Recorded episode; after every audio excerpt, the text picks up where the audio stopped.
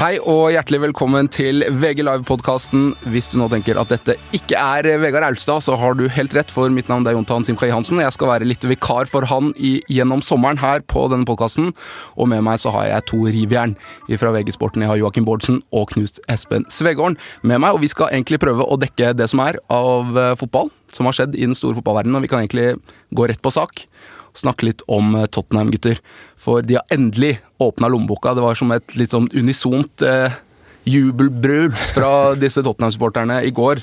Da de endelig signerte to spillere på samme dag. Eh, Ndombele fra Lyon er jo den store signeringa. De virkelig åpner boka. Og Svea, du kan jo starte. Altså, dette er en spiller som egentlig ganske godt passer inn i Pochettino sitt mønster av fotball, og ja. på et sted de har slitt litt i det siste. Altså Det er vel en, på en måte en slags erstatter for uh, Dembélé, kanskje, hvis du ser det litt sånn. Så erstatter de jo aldri han. Mm. Um, og du så litt utover i sesongen at de hadde litt for få hoder, egentlig. Eh, selv om de kom til Champions League-finalen og og kom til Champions League via ligaen, så er det klart at de uh, sleit litt med antallet her. Og nå har de fått uh, denne såkalte litt smågjerrige eieren sin til å åpne lommeboka. Han er jo ikke akkurat kjent for å være den som, som byr opp mest. Uh, er vel heller kjent for å dra ut mest mulig når han skal selge spillere, og har selvfølgelig gjort en veldig god jobb. Ansatt den rette manageren osv. Og, så og nå har de i hvert fall fått tak i en midtbanespiller som vil løfte det laget der ganske mye.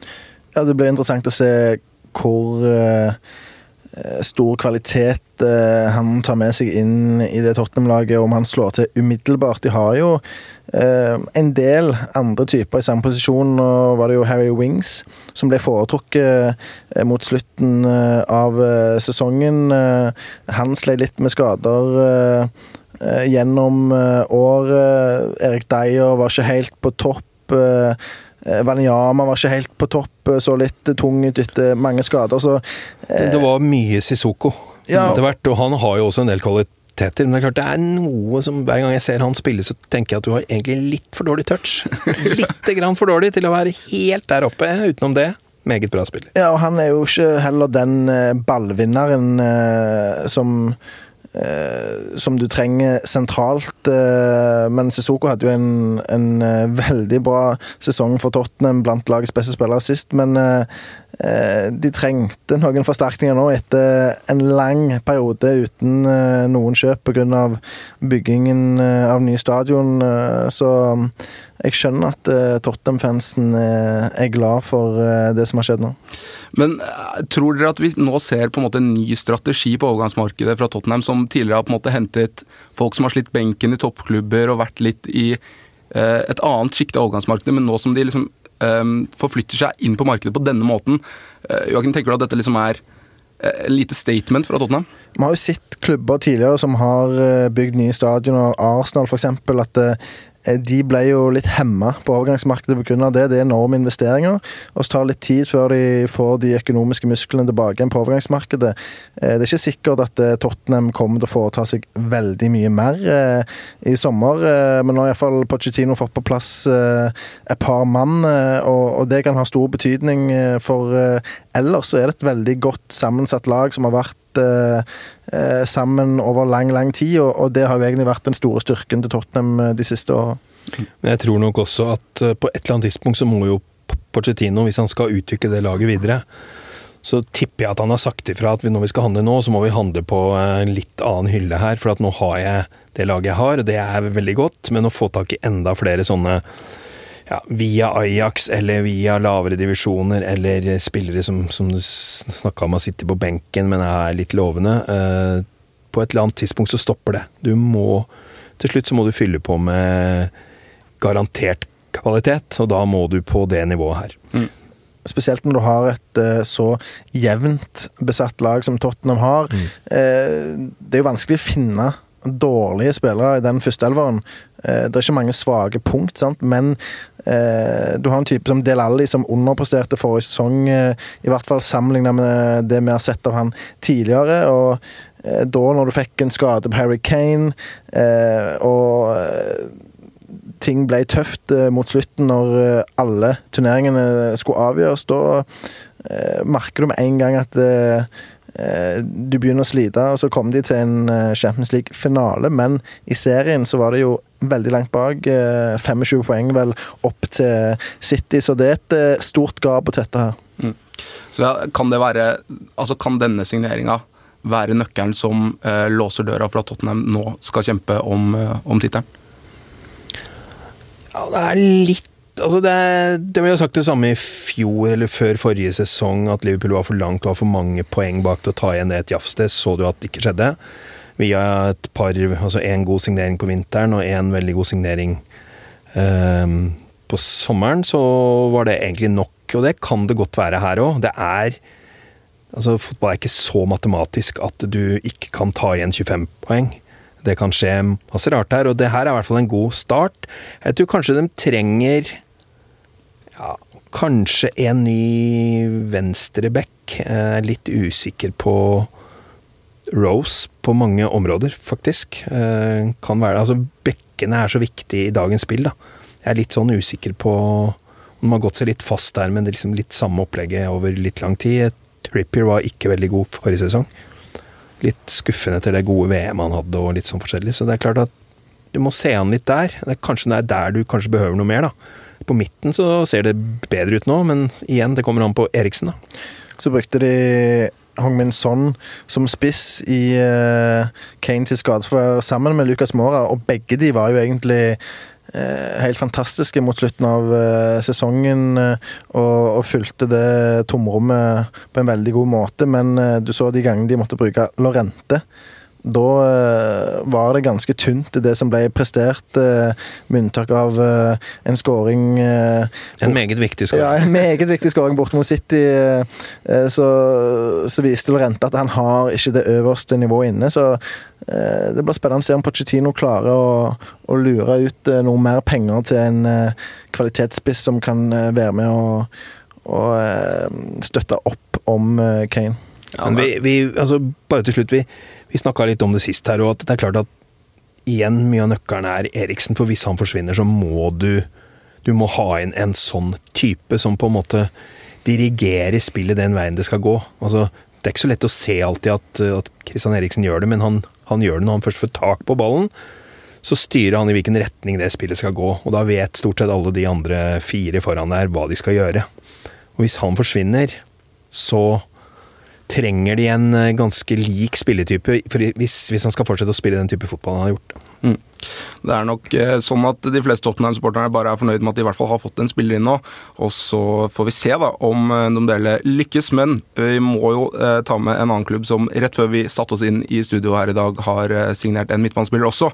En rival til Tottenham, det er Manchester City. Rodri er klar, han kommer fra Atletico Madrid. Eh, Svea, dette er jo eh, kanskje din hjemmebane litt. hva tenker du om, om Rodri? Nei, altså han er jo en Dette skal jo være en, en erstatter både på sikt og nå for Fernandinho, som har gjort en fabelaktig jobb der, men som nå er 34 år. Eh, mye skada i vår, eh, spilt nå Copa America, blitt skada igjen. Eh, ikke sikkert han er klar før i hvert fall ordentlig spilleklar før et stykke ut på høsten, så de, de trengte en, eh, en, oppgradering. Eh, nå har de både Gundogan, som var veldig god der på våren, uh, i den sentrale rolla, men det er ofte i de kampene som City har ballen mye, så kan han godt spille der, for han styrer spillet. Men når du skal ha disse mer tøffe kampene, så må du ha en som er sterkere defensivt, bedre ballvinner, og da tror jeg de har funnet den rette mannen. Han koster mye, men han er i hvert fall en ung spiller, og jeg er litt opptatt av at det harmonerer med pris og alder. Mm. Altså, det er annerledes enn å betale 70 mil for en uh, eh, 26 år gammel midtstopper, som jeg håper at City ikke gjør. Det er jo uh, overgangsrekord også, dette, for City. Pengene de flyr ut nå. Det skjer ganske mye. Men um, det er jo litt sånn at um, Jeg har sett mye av Rodry. Han er en topp, topp klasse uh, midtbanespiller. Var en av de desidert beste i La Liga i fjor. Um, når vi snakker om City i denne sammenhengen her, så det jo, handler det nesten om å på en måte forbedre det perfekte, på et sett og vis. Ja, men samtidig så, som Svea sier, så så du at eh, de sleit eh, litt sentralt i enkelte perioder forrige sesong, da Fernandinho var ute. Og Gundogan eh, gjorde det veldig bra i de matchene hvor han får ligge og dirigere, men når du må dekke store rom, store flater defensivt, spill gjerne bølger litt frem og tilbake, så er ikke Gundogan eh, da kommer ikke han til, si- eh, helt i, til sitt rette element. Så eh, det er en smart signering av Guardiola, garantert eh, noe som de har jobba med over lang tid. Eh, for Han tror jeg nok var førstepri allerede fra midtveis i forrige sesong. Altså det, det, er, det er måten de har jobba på de siste årene med de samme folka. Altså. De har eh, faktisk eh, overraskende kontroll på det systemet. Men det, det skal jo sies da at City allerede i fjor sommer begynte å gjøre disse trekkene etter en sånn type sentral midtbanespiller. De så på Fred, de vurderte Jorginho som endte da i Manchester United og i Chelsea, men nå klarer de å lande en spiller som også har framtida foran seg.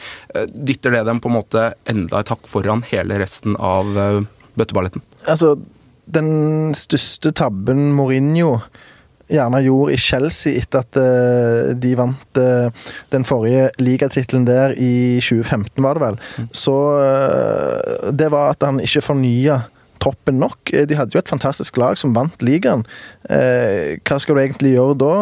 Det er vanskelig å, å se Det er da du skal forsterke. Ja, ak akkurat, ak akkurat. Sånn har det vært. Jeg, jeg er såpass voksen at jeg husker det, de beste Liverpool-årgangene. Akkurat. Selv om de vant både én og to og tre titler, så kjøpte de alltid to spillere hver sommer. Ja, og, og grunnen til det er jo fordi at eh, folk ikke skal eh, få det for eh, komfortabelt. sant? Eh, du er nødt til å få noen nye ansikter som eh, pusher de andre i garderoben, eh, som, som gjør at de forstår at de er nødt til å heve seg igjen. Eh, I hvert fall prestere på minst eh, eh, like bra nivå som de gjorde sist sesong. og eh, Guardiola har vunnet såpass mange titler at han skjønner jo selvfølgelig det. Og eh, det er garantert ikke den siste eh, mannen som kommer inn eh, til City denne sommeren.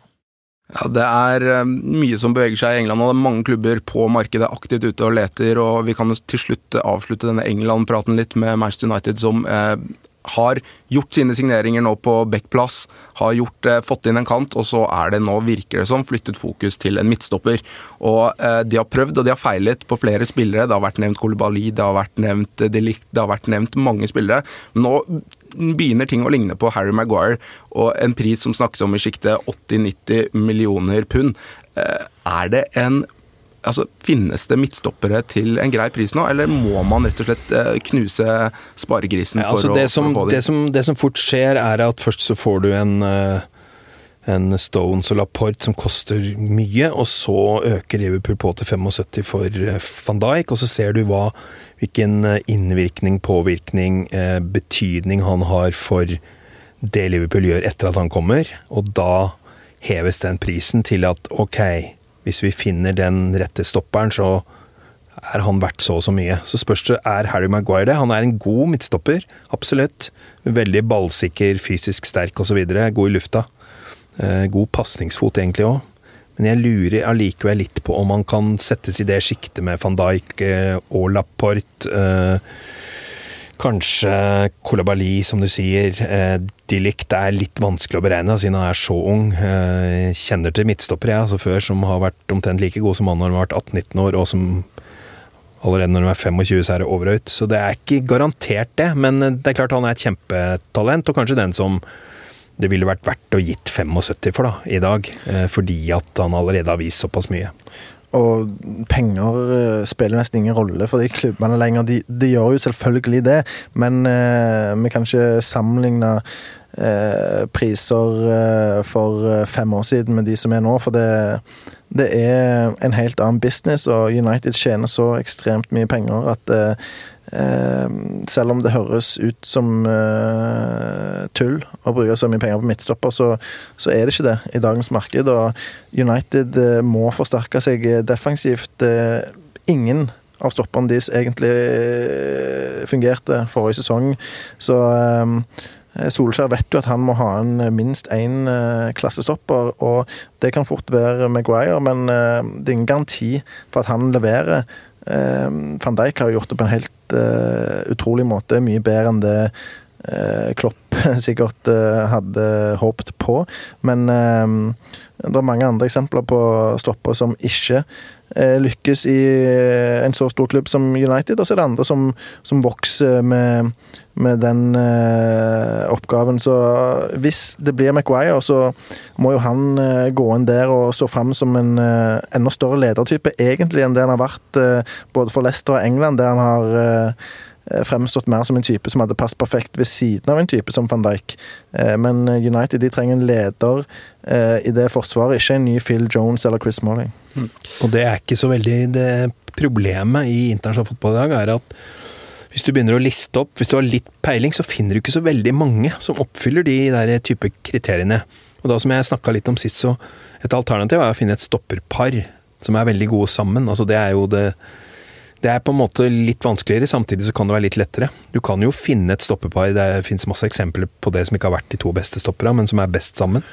Det er egentlig der ofte nøkkelen ligger. Men i dagens fotball så er det så mye gode individuelle spillere at du Når du på en måte ser van Dijk spille, da, så liksom ser du at når du møter han, seg, samme hvem han møter. Han minner meg litt om eh, Høres kanskje litt, litt rart ut å nevne en norsk spiller oppi alt dette her, men når eh, Rune Bratseth var på sitt aller beste, så var han litt sånn van Dijk. Han, du, kom ikke, du kom rett og slett ikke noen vei.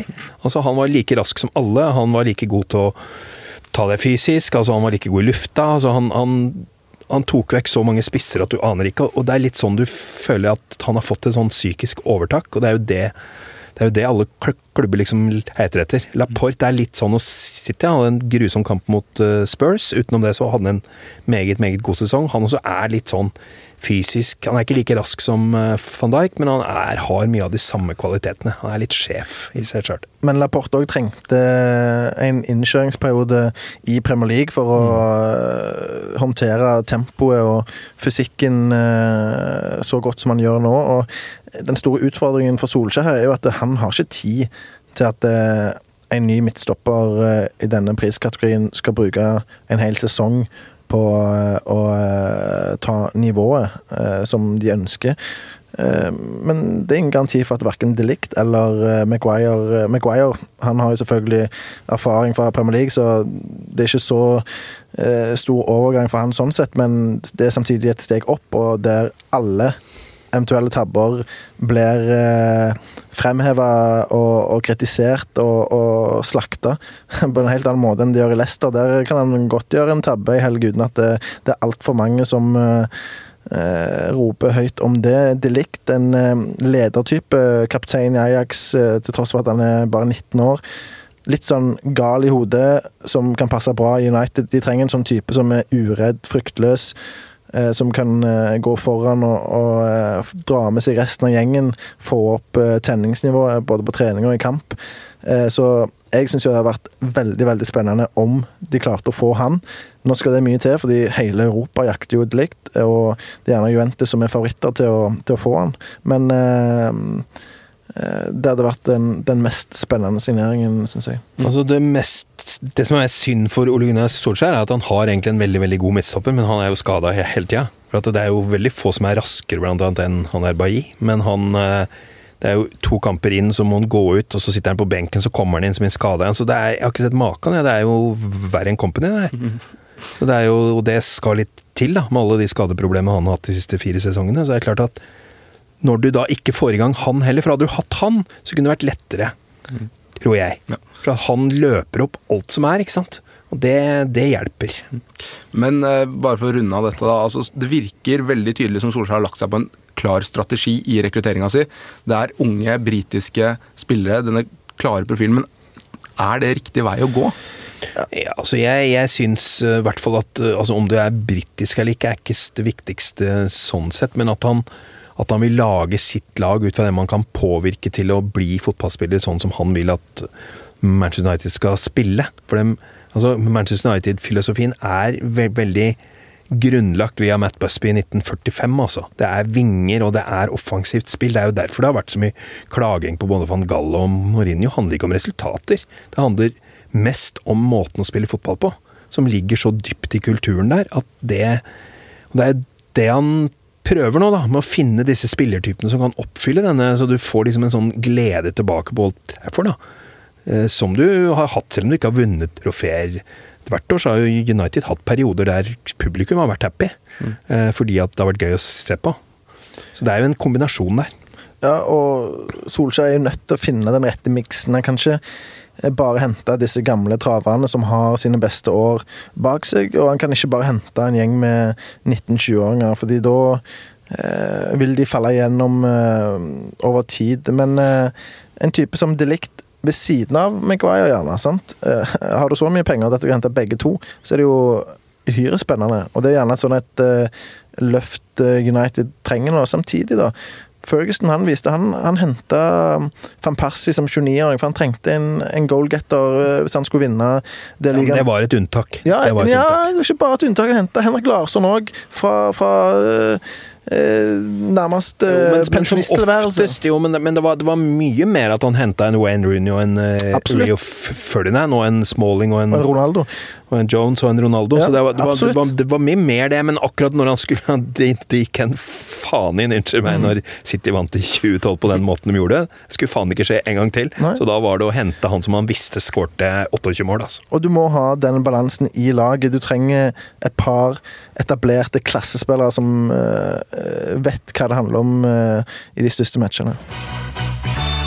Vi skal ta turen til Spania for Real Madrid. De har rusta opp veldig. Og Eden Hazard står øverst på lista der av eh, nykommere i hvitt. Men eh, i Barcelona så er det litt stille før stormen.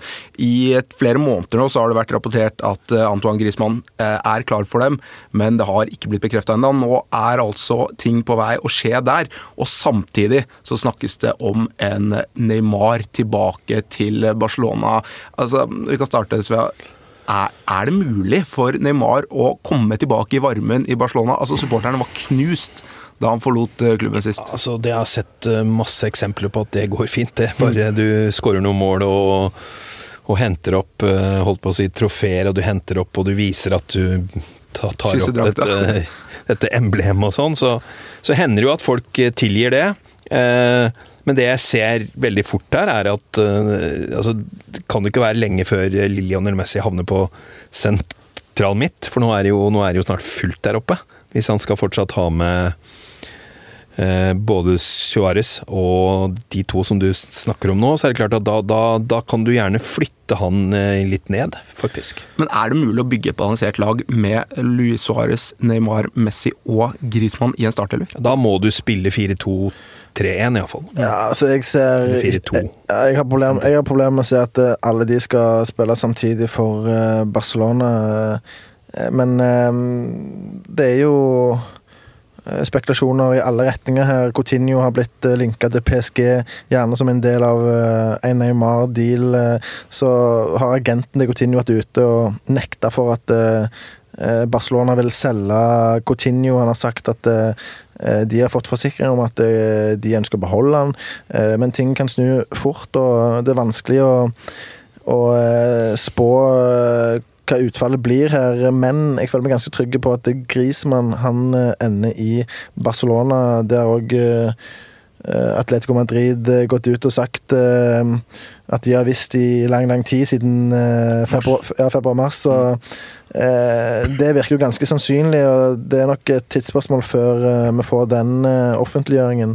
Men at de skal hente Neymar i tillegg, det mm, vil iallfall være utfordrende med tanke på Financial Fair Play og hvordan de skal få disse her guttene til å fungere sammen. Det er jo helt utrolig at han, at han, helt, at han, at han dro fra Barcelona når han var så god, og ja. det funka så bra med med både Messi og Suárez og han. Altså, jeg, jeg, klarer ikke å forstå hva folk tenker men det var, på. Altså. Men det var jo der uh, Johan Cruyff eh, sa noe veldig klokt, eh, som jeg S Som vanlig. Ja, som vanlig. Som jeg kom over i, i den perioden der. Han sa at du må skape noe helt spesielt. Du må bygge en kultur for etter et par år i en klubb som Barcelona òg, så blir det normalen. sant? Og Det var det det ble for eh, Neymar. Og så ønsker du å søke nye utfordringer, og da må klubben eh, evne å, å stå på egne bein eh, når det kommer sånne utskiftninger. og Jeg husker jo Neymar var jo det gikk ikke fint for seg. Han lå krangla med Semedo, husker jeg, under treningsleir i USA der fordi at han ikke fikk viljen sin. og Da var det sannsynligvis en, en dragkamp eh, mellom han og Barcelona og, og PSG som pågikk, så det var ikke særlig pent. og Nå er det jo noe av det samme som skjer i PSG, der eh, han ikke ser ut til å ha eh, veldig eh, et veldig godt forhold med ledelsen og, og eieren der, så mm, det er igjen en uh, spesiell situasjon for Neymar. Er kanskje ikke den letteste fyren å ha med å gjøre når du begynner å se gjennom historien hans. Men, men det er jo nesten en fellesnevner for alle disse fire. Altså, Det er sterke personligheter dette. altså Messi, Suárez, Neymar og Griezmann har jo alle en historie for å være personer som eh, kan finne på å lage litt eh, støy i garderober. Men, hvordan, altså, kan noen av de spille andrefiolin? Har de det i seg? Det var jo det som var hovedgrunnen, ble det i hvert fall sagt, eh, til at Neymar ønsket å gå til PSG, fordi at han var tredjefiolin i eh, det Barca-angrepet, mens eh, PSG kunne tilby han eh, den stjernestatusen som han ønskte, og selvfølgelig de pengene som han òg syntes var veldig forlokkende. Så har han jo fått de pengene, da. Og han, det betyr nok ikke så mye for han nå lenger. Det er andre ting som han kjenner på at han gjerne har lyst til å komme tilbake til et lag som kan vinne Champions League, og eh, hvor han hadde det sannsynligvis veldig godt. Fordi han fungerte jo utrolig bra sammen med eh, Suárez og Messi. Eh, de så ut som de var veldig gode venner. Eh, det var ingen gnisninger mellom de noen gang. Eh, og Grismann òg er jo en godgutt. Han er jo godt likt av alle, ser det ut til. og Eh, en type som bare koser seg med fotballen og litt basketball på fritida. Hårsjampo. Eh, og litt hårsjampo. Eh, veldig fint hår. Så jeg tror ikke at det blir det ser i hvert fall ikke ut at det skal bli noen problemer sånn i utgangspunktet mellom de fire. Men hvis Barcelona skulle, skulle samle de, eh, så, så, vil det jo være helt vilt. Det, det er egentlig for drøyt at eh, du skal kunne tro på det. Men alle vil jo spille annenfiolin hvis du spiller på et lag der Lionel mm. Messi er, iallfall et par år til. Mm. Han er ikke sånn, han er ikke men 32, og han er ganske lett eh, lettbeint og lettrent, så du, du havner jo etter. Men det vil ikke være veldig overraskende om en mann som Suárez f.eks. For eh, forsvinner fra Barcelona innen et år eller to. sant? Eh, han har nok grunna sin personlige høyde i karrieren, så det er nok av tilbud for han i andre land, selvfølgelig. Og, Kina. Ja, sant. Så eh, det, det, er ikke utenkelig, det. Og Barcelona er jo nødt til å være i forkant. Og da kan angre, angrepet fort se ut eh, Neymar, eh, Griezmann, Messi neste sesong, f.eks. Ja. Og så har du jo en Osman Dembele i bakhånd også, som gjør det enda vanskeligere, kanskje? Ja, og han knyttes jo òg til Liverpool, f.eks., og PSG og diverse klubber, så, så er det spesielt her at det er sånn det er så store stjerner, det er så enorme summer som skal flyttes eh, her, at det, eh, er, det, er, ikke, det er ikke lett. Og, og eh, det, er, det er, vanskelig å, å, se, å, se hva som skal skje. Men det som er litt rart her, når du har sett på de siste Barcelona-sesongene, så har du sett at de har, de har jo fått litt juling i noen europacupkamper som har gjort at de ikke har gått til finalen, ikke sant? Og så, hva, hva gjør du da? Var vel Jan Åge Fjørtoft som fortalte meg den gang at hver gang laget hans hadde tapt 4-0, så kjøpte de en ny spiss. Altså, det er sånn Hvorfor gjør du ikke noe annet? Altså, når, når, Barcelona var på sitt beste, så hadde de to midtbanespillere som gjorde at de andre fikk ikke tak i ballen.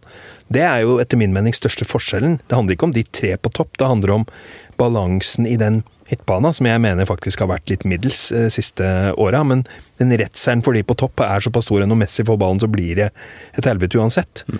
Men han kan ikke gjøre alt, han heller. Så det er klart at at du bare går etter enda flere spisser, det, hvis det er riktig, det overrasker meg litt. Jeg ville jo heller ha sett etter noe andre type midtbanespillere, som har gjort at du kunne få bedre kontroll på de, særlig på de europacupkampene ute, da. For det er jo der de har hatt litt vanskeligheter. Når det er sagt, er jeg spent på. Arthur uh, hadde en fantastisk uh, debutsesong. Om han tar et ytterligere steg nå, da har han fått en av verdens beste midtbanespillere. og så- så, Og Frenkie de Jong inn eh, dørene ja, der ikke også. sant? Det òg ble jo veldig spennende. Og, og da har de jo på en måte tatt de grepene som du etterlyser, Svea, Fordi iallfall Men er de på en måte like ballsikre, sånn at du får Ja. styrt spillet? det, det vil jeg absolutt påstå. Det er ikke så lett å finne noen det er det som er det, da. det er det ikke men uh, Rakitic og, og Busquets eh, eh, har ikke vært så bra som vi har sett de tidligere, men uh, Frenkie de Jong eh, han har absolutt det potensialet, og, og Arthur, hvis han fortsetter utviklingen, så er han eh, helt nydelig å se på. Mm. Men eh, vi tar og jogger videre i La Liga, for eh, vi har jo en Martin Ødegaard i Real Madrid. Og eh, nå er det veldig mye prat om hva han skal gjøre videre.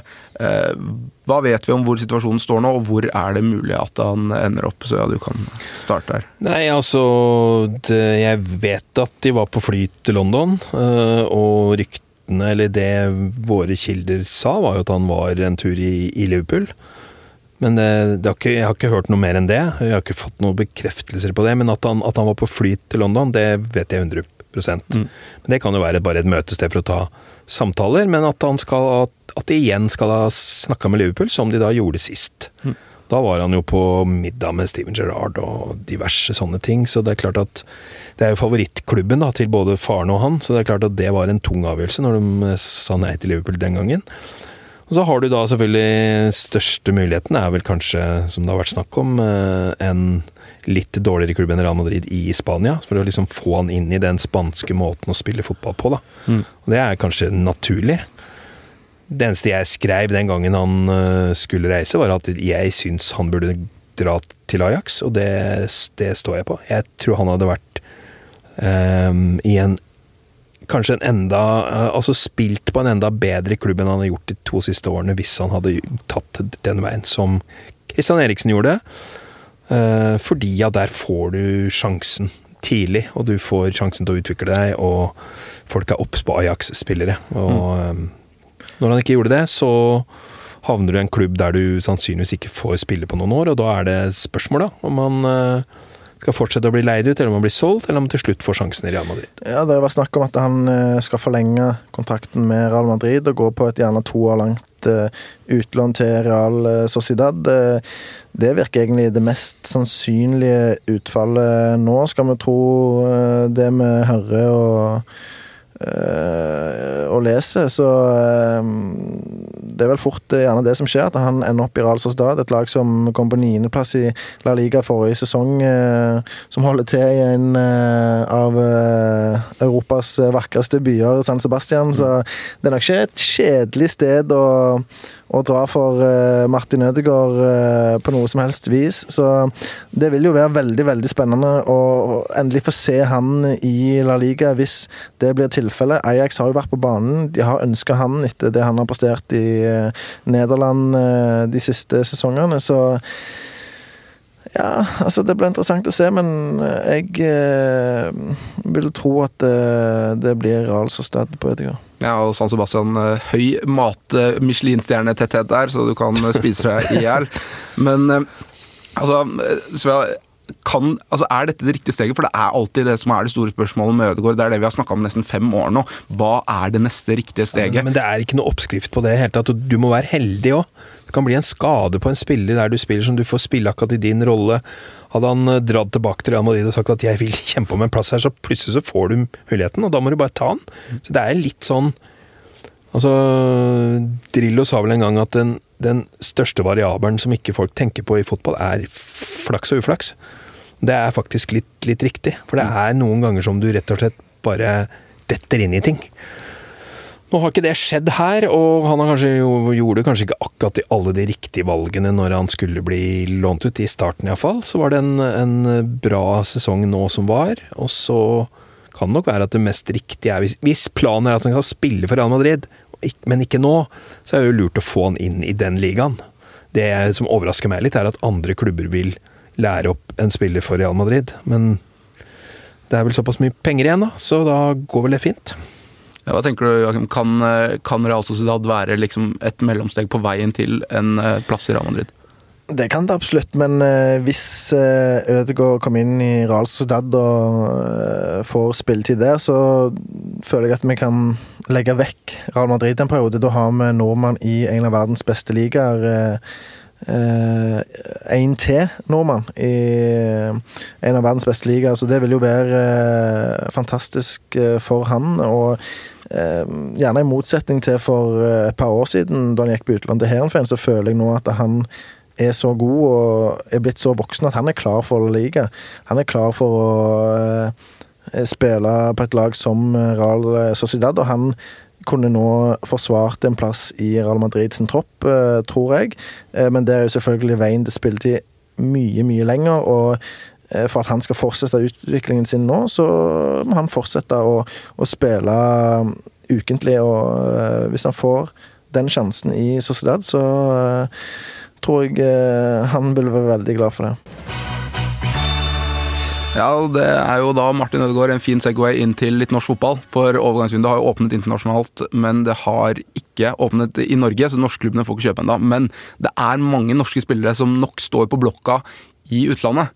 Eh, hvem er det dere ser på i Eliteserien akkurat nå som eh, de største mulighetene til å ta steg videre? Vi kan starte med deg, Joakim. Ja, altså Nå har jo en mann som uh, Tobias Børke vært uh, het veldig lenge. Han slo igjennom så sent som i fjor, så han har ikke veldig mange kampene bak seg i Eliteserien, men han gikk jo rett inn Eh, og dominerte eh, på midtbanen til Stabæk. Eh, har gjort det veldig bra på U-landslag. Ikke helt på topp, dessverre, for U20-landslag under mesterskapet i Polen nå tidligere i sommer, men det skyldtes jo at han hadde en kyssesyk variant i kroppen òg.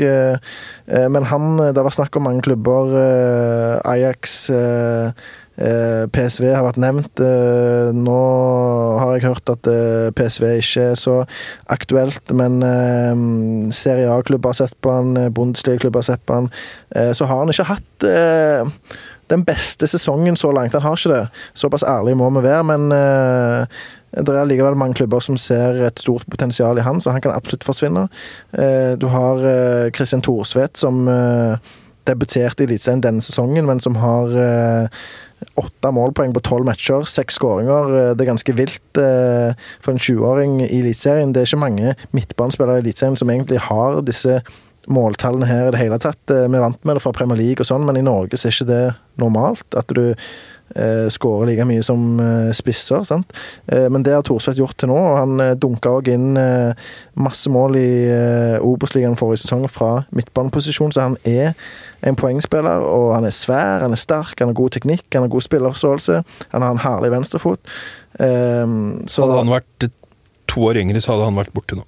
Ja, og Dessverre så er det dit har vi kommet. Det kan du si, men han er, han er bare 20 år, så han er absolutt eh, et veldig spennende navn. Og så har du Håkon Evjen, som er 19 Herje fra Bodø-Glimt eh, denne sesongen her. Har noe sånn uh, unorsk uh, over seg. Det er jo blitt en uh, klisjé, føler jeg, å bruke det uttrykket der, men han er en litt sånn uh, Riyad Mares-type. Veldig lettbeint. Er nesten mer på, på teten og han er Eh, har kontakt med hælen i bakken. sant? Og uhyre undervurdert defensivt. altså En mann som er gjenvinningskonge nesten, og helt essensiell i pressledd, førstepressleddet til Bodø-Glimt. Ja, ja, han starta som venstre back, faktisk, mm. for U20-landslaget i Polen, så Eh, så det forteller òg litt om eh, at han kan bekle ganske mange forskjellige posisjoner. Jeg tror nok han er best som eh, kant- eller indreløper, hvis vi tenker Glimt sin 4-3-3-formasjon. Men han er veldig, veldig spennende og kan fort bli solgt allerede i sommer. Eh, så det er gjerne de tre navnene der som jeg tenker er Med fare for å ha glemt noen åpenbare, så er det de tre navnene der som jeg tenker er de eh, mest eh, aktuelle for en overgang ut av Norge akkurat nå. Så jeg føler at Joakim har glemt noen åpenbare? Nei, jeg tenkte litt igjennom det nå. Det er klart det, det, det finnes mange som kan, men det, det, spørs hvor du tenker deg at de skal hen. Altså Hvis du tenker de store ligaene, da tror jeg ikke det er noen. Nei. Rett og slett. Og så har du disse som kan gå via noen, da, sånn som Haaland gjorde f.eks. Fin alder, fin klubb å gå via, og så kanskje om et to år så blir du solgt til United eller eh, eller Norwich, liksom. Det, ja, dette kan være snakk om uh, selvfølgelig Nederland. eh, Belgia. Eh, sånne type nasjoner eh, som holder et høyere nivå enn Norge, og eh, hvor disse guttene her kan gå rett inn i en førsteelver. Mm. Altså Den største forskjellen på sånn, sånn sett fotballen i dag og for ja, 15 år siden, da, det er jo at uh, spillere i dag går veldig Altså norske spillere i dag går veldig sjelden rett til en storklubb. Altså, derfor det var så ekstremt med Martin Ødegaard. Fordi at på 90-tallet så gikk jo veldig mange spillere rett til de store engelske klubbene. Både United, Liverpool, uh, Arsenal, Tottenham osv.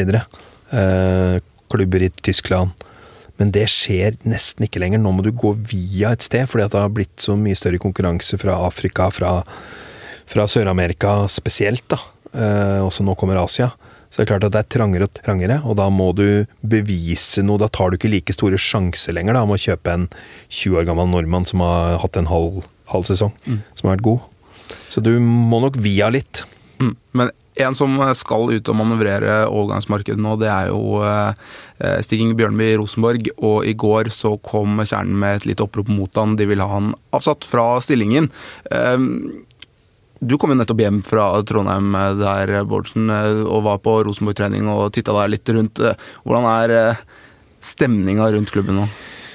Den er vel egentlig sånn som folk eller rundt om i Norge opplever den. Litt sånn spesiell, litt uvant. ikke så Folk er ikke så selvsikre og, og, sprudlende som eh, vi er vant til å se det i Rosenborg. Eh, det er i hvert fall min oppfatning. Eh, det er klart det er flust av gode fotballspillere i den klubben der. Dyktige trenere og ledere.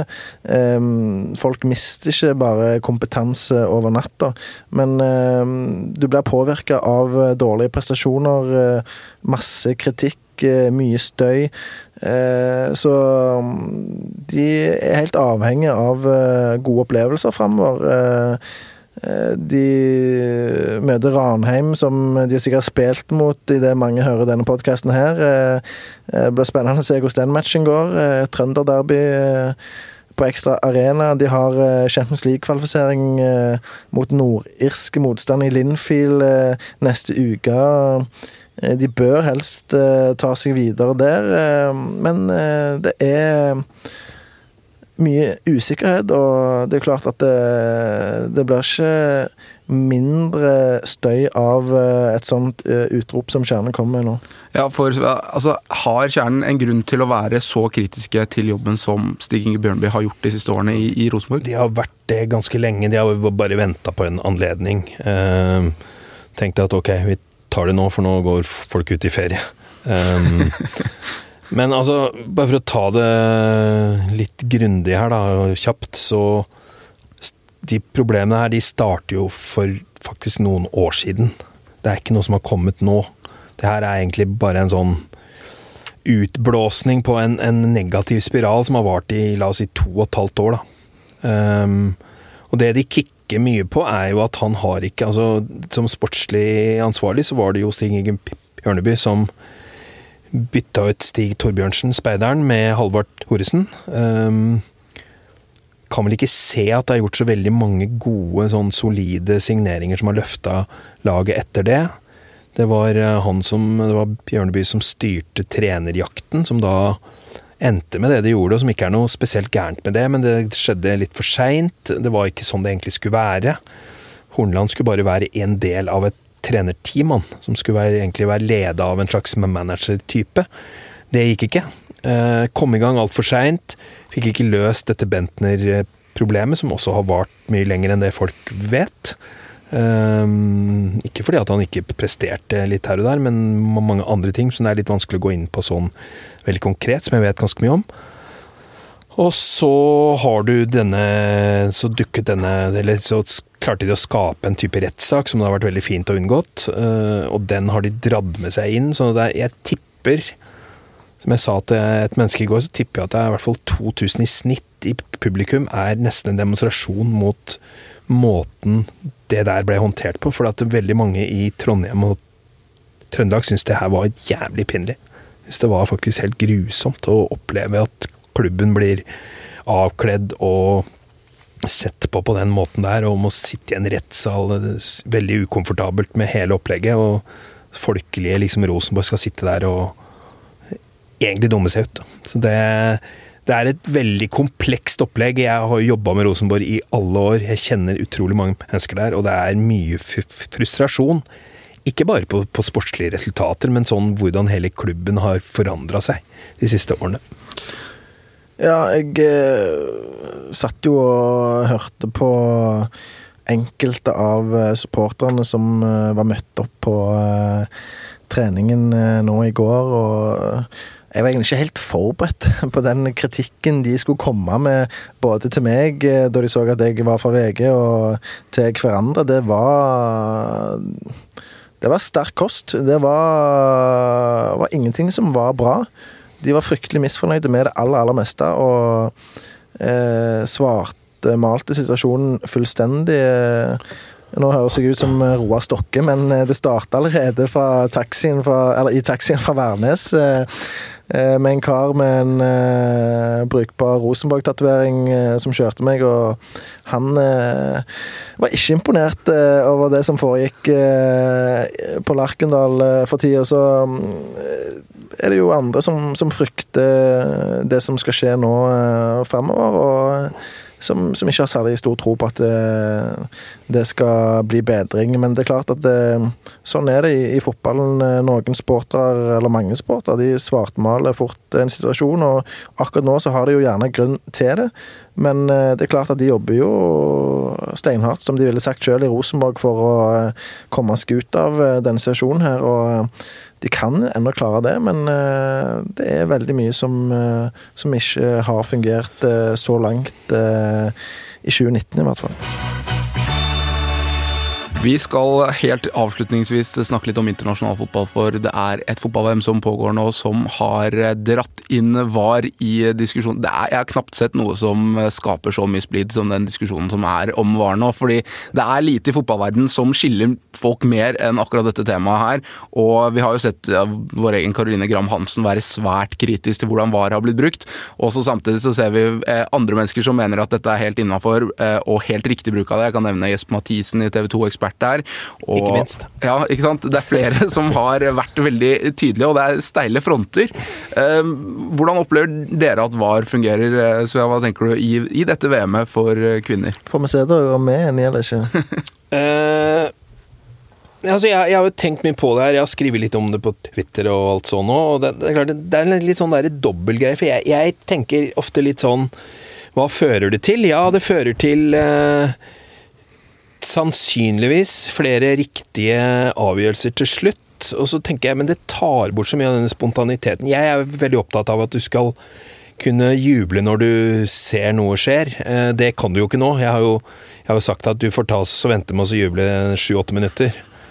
Det, det, det, altså Idretten blir jo endra fullstendig ved at du må, liksom, du må vente med å juble når du har scora et mål. Så det er jo en, en veldig rar opplevelse, men samtidig så Egentlig Altså Kjempefint med, med mållinjeteknologi. Vi er, vi er, nødt for å ha om den ballen er over linja eller ikke. Det er faktisk det viktigste.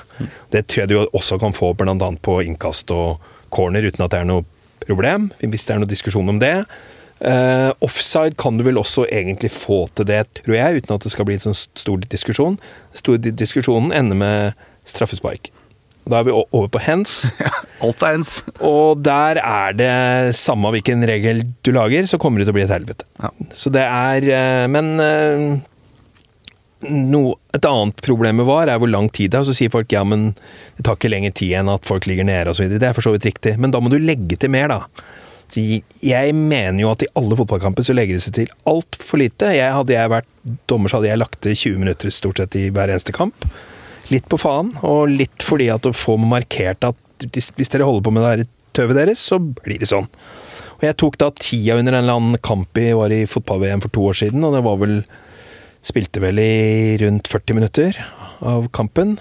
Nå er det langt, langt bedre når det gjelder jentene, da. Men uh, jeg, jeg, klarer på en måte ikke helt å bli enig med meg sjøl hva jeg syns om VAR, fordi jeg, jeg, hater at du ikke skal kunne juble over noe før mm det har gått litt tid, så det blir sånn derre eh, Akkurat som du går inn på en eh, TV-sending, og så har en samla noen mennesker i et rom, og så sier han Kan dere juble litt nå? Ja, yeah, heia Norge! Så gjør alle sånn. Altså, det blir så kjedelig. Men det er min mening. Bårdsen, jeg har inntrykk av at du er forkjemper eh, av VAR. Ja, det er korrekt. eh, Men jeg skjønner jo det poenget der med at eh, du mister gjerne litt spontanitet. Og det er deilig å se folk ta fullstendig av etter en scoring som ofte gjerne er tvilsom, fordi det er marginalt, veldig mye av det som skjer i fotball. Men når folk begynner å argumentere mot VAR-avgjørelser som er korrekte Da Så- koker det i hodet ditt. ja, ja, altså, Så da er det sannsynligvis fordi du holder med det laget som fikk Ja, VAR-avgjørelsen mot deg, og jeg- det går ikke. Nei, men eh, jeg skjønner ikke logikken eller uh, hva folk har tenkt da, liksom. Hvordan går det an å argumentere og si at det er elendig avgjørelse, elendig å bruke VAR, og så, så er det rett, det som skjer. Eh, og det var et så fint angrep. Eh, eh, hadde det ikke vært for VAR, så hadde den blitt godkjent, fordi det var jo bare en halvmeter i offside eller noe sånt. Men du kan ikke bruke det som argumentasjon. For tenk hvor sinnssykt urettferdig det oppleves for det andre laget, som eh, gjerne har ei snorrett forsvarslinje som, som gjør at motstanderlagets spiss blir satt i offside, f.eks. Og så får ikke dommer eh, eh, eller eh, trieren, eller hvor mange det som er til stede på banen, det er med seg. Eh, da er det jo eh, helt eh, grusomt, og, og da er det mye bedre at hoveddommeren kan få hjelp av et VAR-team som sier at ja, vi skjønner den var vanskelig å se, men se her. Det er offside, den annullerer vi, og så fortsetter vi. Så er det fair for begge lag. Ingen klager på det. Og så kan jeg være enig med Sverige at det, det er dumt at det, det gjerne er korrekte skåringer. Eh, som, eh, som ender med at vi gjerne ikke får den jubelen som vi elsker å se, eh, som er en del av underholdningsverdien i fotballen. Men eh, det føler jeg vi må tåle. Eh, og så vil dette systemet bare bli bedre og bedre. Eh, og eh, dommerne vil eh, forhåpentligvis bruke mindre og mindre tid eh, på å eh, ta avgjørelsen. Eh, gjerne så går de over til at eh, de som sitter på varerommet, bare kan ta den sjøl i alle sammenhenger. Hoveddommeren slipper å springe ut for å se og ta den avgjørelsen sjøl. Eh, de er mer eller mindre eh, eh, likestilte, så da kan de på bakrommet ta den. Og, og hvis det mot all formodning skulle vise seg å være feil, så får de dele den kritikken som måtte komme. Eh, men da kan du i hvert fall spare gjerne et minutt og to bare på det, at dommeren slipper å springe ut og, og se sjøl. Mm. Så det, det kan jo gjerne være eh, et eh, forslag, men Men et Ja. moment her, Joakim, det er jo også at altså, blir dommeren noe sikrere på sine egne avgjørelser når du vet at det sitter noen som skal overstyre deg, eller som kan gjøre det? Altså Mister du ikke litt sånn Eller du kan lett bli litt sånn da, at hvis du på en måte, hvis du sitter og skriver en sak, så vet du at en eller annen skal se over den og så rette på den uansett. Så du blir litt sånn du, Ja, altså Det var tungt hvis jeg visste at det, det var en eller annen som skulle eh, bygge om eh, alle sakene jeg skrev, og endre Ja. vinkling og Ja. tittel og ingress og sånn. Det hadde jo vært tungt, men eh, Jo, men det hadde blitt riktig. Altså riktigere. ikke, ikke nødvendigvis. Nei, men da snakker du egentlig mot deg sjøl. Nei, fordi at, det, fordi, at det, nei, fordi at det blir ikke en helt uh, uh, korrekt sammenligning, føler jeg. For det, uh, i VAR og fotballen så har du en helt objektiv vurdering. Det er enten rett eller det er galt. Nei, ikke vil- på alle. Min Ikke på hands.